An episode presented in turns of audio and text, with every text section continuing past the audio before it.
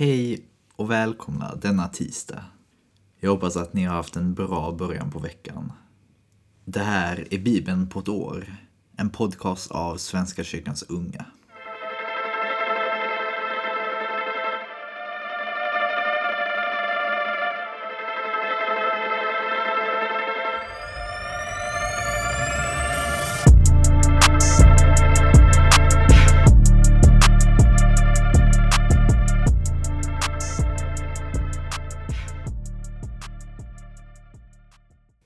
Vi ber tillsammans.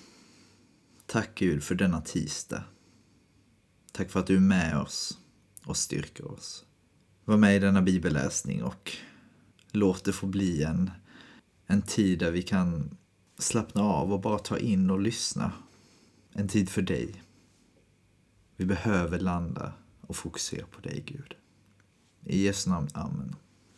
Vi börjar i Första Mosebok kapitel 24, vers 52 till kapitel 26, vers 16.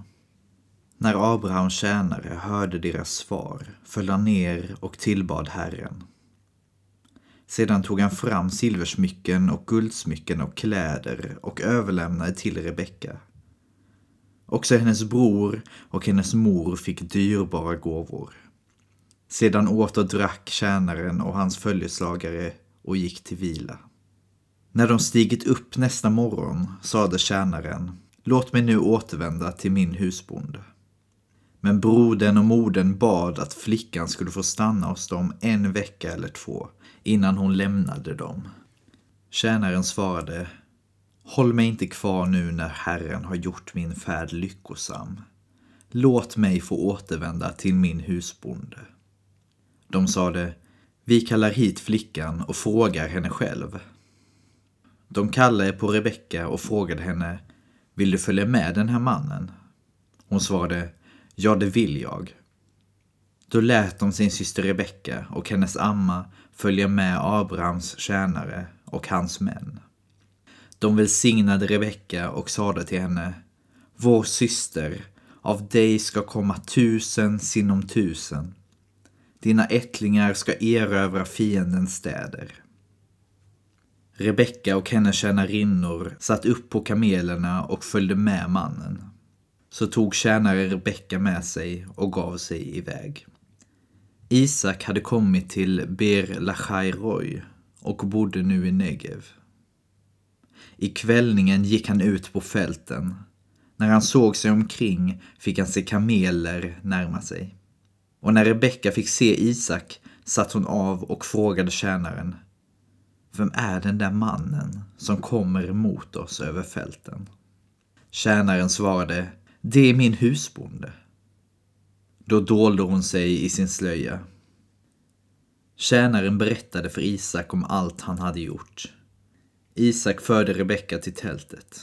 Han tog henne till hustru och han älskade henne. Så fann Isak tröst i sorgen efter sin mor. Abraham tog sig åter en hustru. Hon hette Ketura och födde honom Simran, Jokshan, Medan, Midjan, Jishbak och Shuach. Jokshan blev far till Saba och Dedan och Dedans ättlingar var Ashureerna, Letushéerna och Lemuerna. Midjans söner var Efa, Efer, Henok, Avida och Eldaga. Alla dessa härstammade från Ketura. Abraham gav allt han ägde åt Isak. Åt sönerna till sina bihustrur gav Abraham gåvor. Och medan han ännu levde skilde han dem från sin son Isak genom att skicka dem österut till östlandet. Detta är den levnadsålder som Abraham uppnådde. 175 år. Sedan slutade Abraham sina dagar. Han dog efter ett långt liv, gammal och mätt av år och förenades med fäderna. Hans söner Isak och Ismael begravde honom i Makpelagrottan på det fält som tillhör till titeln Efron, Soars son, och som ligger utanför Mamre, det fält som Abraham hade köpt av hetiterna. Där begravdes Abraham och hans hustru Sara. Efter Abrahams död välsignade Gud hans son Isak Isak bodde vid Berlechai Roy. Detta är släkttavlan för Abrahams son Ismael, som Saras egyptiska slavinna Hagar födde åt Abraham. Detta är Ismaels söner med namnen i åldersordning. Nevajot, hans förstfödde. Kedar, Adbel, Mivsam, Mishma, Doma, Massa, Hadad, Tema, Getur, Nafish och Kedma. Detta var namnen på Ismaels söner efter läger och byar. Tolv hövdingar och deras stammar. Detta är den levnadsålder som Ismael uppnådde.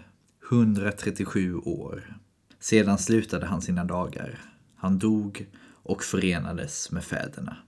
De hade sina boplatser från Havila fram till Shur, öster om Egypten. Öster om alla sina bröder hade han sina lägerplatser. Detta är berättelsen om Isaks, Abrahams sons, släkt. Abraham blev far till Isak. Isak var 40 år då han tog Rebecka till hustru. Hon var dotter till aramén Betuel från Paddan Aram och syster till aramén Laban. Isak bad till Herren för sin hustru eftersom hon var ofruktsam och Herren hörde hans bön och hans hustru Rebecka blev havande. Men barnen sparkade varandra i hennes liv. Då sade hon, om det ska vara så här står jag inte ut. Hon gick för att fråga Herren och Herren svarade henne, två folk finns i ditt sköte. Två stammar skilda åt från moderlivet. Det ena folket blir starkare än det andra. Den äldre ska tjäna den yngre. När tiden var inne födde hon tvillingar. Den första som kom fram var rödhårig och luden som en skinnfäll över hela kroppen. Och man gav honom namnet Esau. Sedan kom hans bror fram, med handen i ett fast grepp om Esaus fot. Och han fick namnet Jakob. Isak var 60 år när de föddes. Pojkarna växte upp. Esau blev en skicklig jägare och höll till i skog och mark. Men Jakob förde ett lugnt liv och bodde i tält. Eftersom Isak hade smak för vilt tyckte han bäst om Esau. Men Jakob var Rebeckas älsklingsson.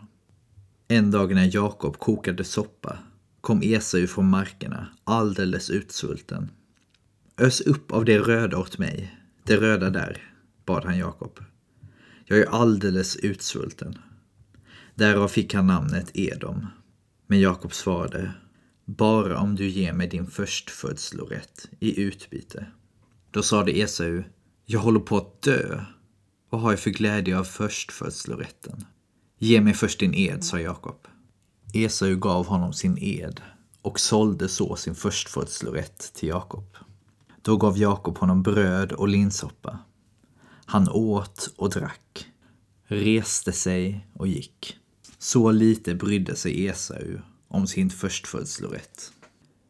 Det blev hungersnöd i landet, en annan än den förra hungersnöden, den på Abrahams tid. Då begav sig Isak till filisterkungen av Emelek i Gerar. Herren uppenbarade sig för honom och sade Bege dig inte till Egypten, utan stanna i det land som jag ska visa dig. Bli kvar en tid i detta land, så ska jag vara med dig och välsigna dig. Åt dig och dina ättlingar ska jag ge alla dessa länder. Jag ska uppfylla det löfte som jag med ed gav din far Abraham. Jag ska göra dina ättlingar talrika som stjärnorna på himlen. Jag ska ge dem alla dessa länder och alla folk på jorden ska önska sig den välsignelse som dina ättlingar har fått. Detta ska ske därför att Abraham lydde mig och rättade sig efter vad jag befallt, mina bud och stadgar och lagar. Isak slog sig ner i Gerar. Men när männen i staden frågade honom om hans hustru sade han, det är min syster. Han vågade inte säga att hon var hans hustru. Männen här kan döda mig för Rebeckas skull. Hon är ju så vacker, tänkte han. Han hade redan varit där en tid när filisterkungen Avimelek en dag tittade ut genom fönstret och fick se Isak vänslas med sin hustru Rebecka. Då kallade han till sig Isak och sade Hon är alltså din hustru? Varför har du sagt att hon är din syster? Isak svarade Jag var rädd att bli dödad för hennes skull. Men Avimelek sade, vad är det du har gjort mot oss? Det kunde ju lätt ha hänt att någon av männen här legat med din hustru och då hade du dragit skuld över oss. Och Avimelek utfärdade en befallning till hela folket. Den som rör den här mannen eller hans hustru ska straffas med döden. Isak sådde där i landet och fick det året hundrafalt igen. Herren välsignade honom och han blev rik. Hans rikedom blev allt större. Till sist var han mycket rik. Han ägde jordar av får och kor och hade många tjänare. Allt detta väckte avund bland filisterna.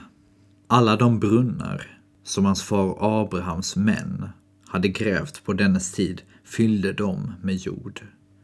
Och Avimelek sade till Isak, du måste flytta härifrån. Du har blivit alldeles för stor för oss.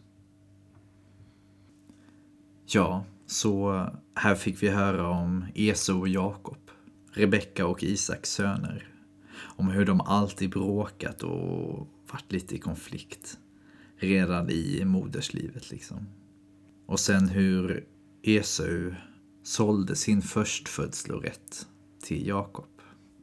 Och nu, efter dagens läsning, har jag faktiskt kommit igenom mer än halva av första Mosebok. Det går framåt, det går framåt. Så kul. Vi fortsätter i Matteus kapitel 8, vers 18 till 34. När Jesus såg så mycket folk omkring sig befallde han att man skulle föra över till andra sidan sjön. En skriftlärd kom fram och sade till honom Mästare, jag ska följa dig vart du än går. Jesus svarade Rävarna har lyor och himlens fåglar har bon. Men Människosonen har inget ställe där han kan vila sitt huvud. En annan av lärjungarna sade Herre, låt mig först gå och begrava min far. Men Jesus svarade Följ mig och låt de döda begrava sina döda.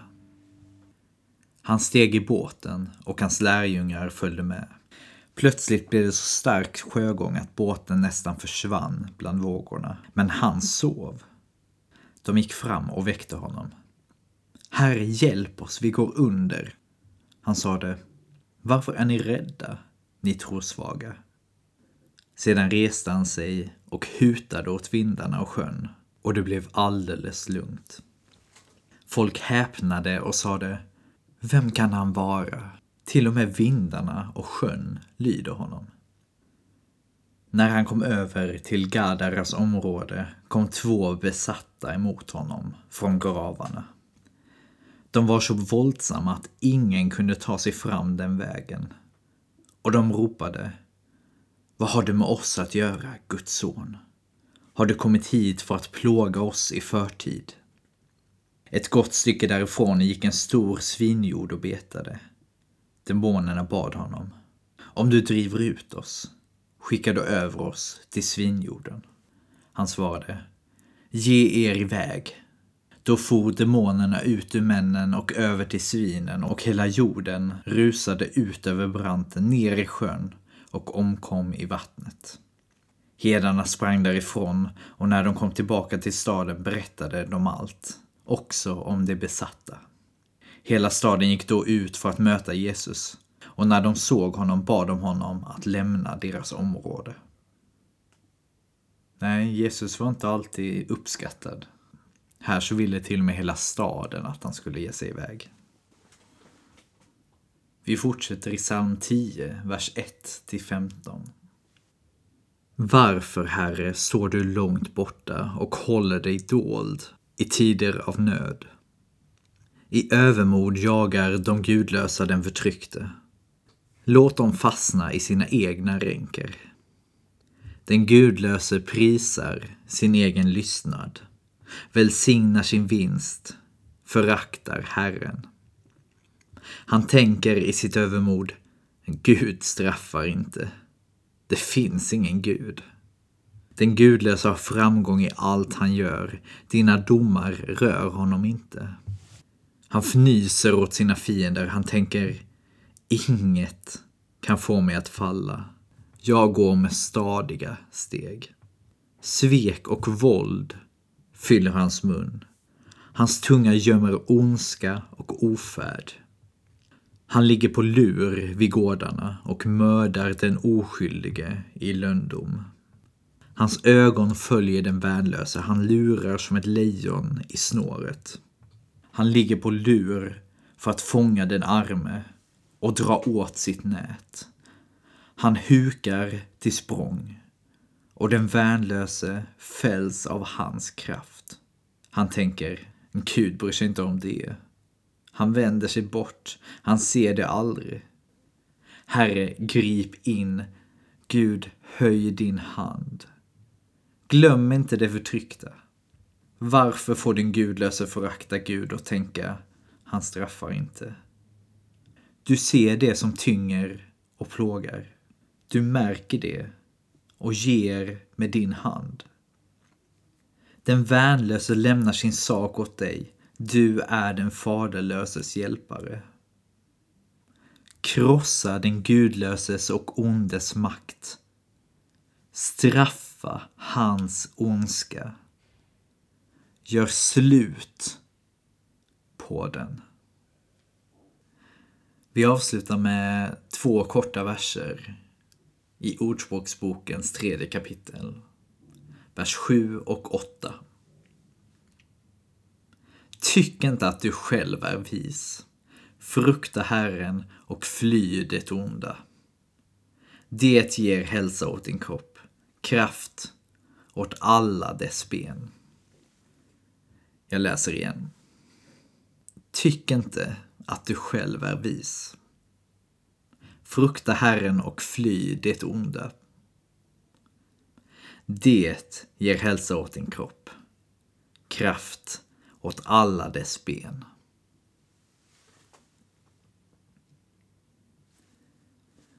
Det var allt för idag hörni. Vi ses imorgon igen. Det här var Oskar Skärmo, teologisk samordnare på Svenska kyrkans unga. Ni får ha en otroligt fin dag så ses vi. Ha det fint.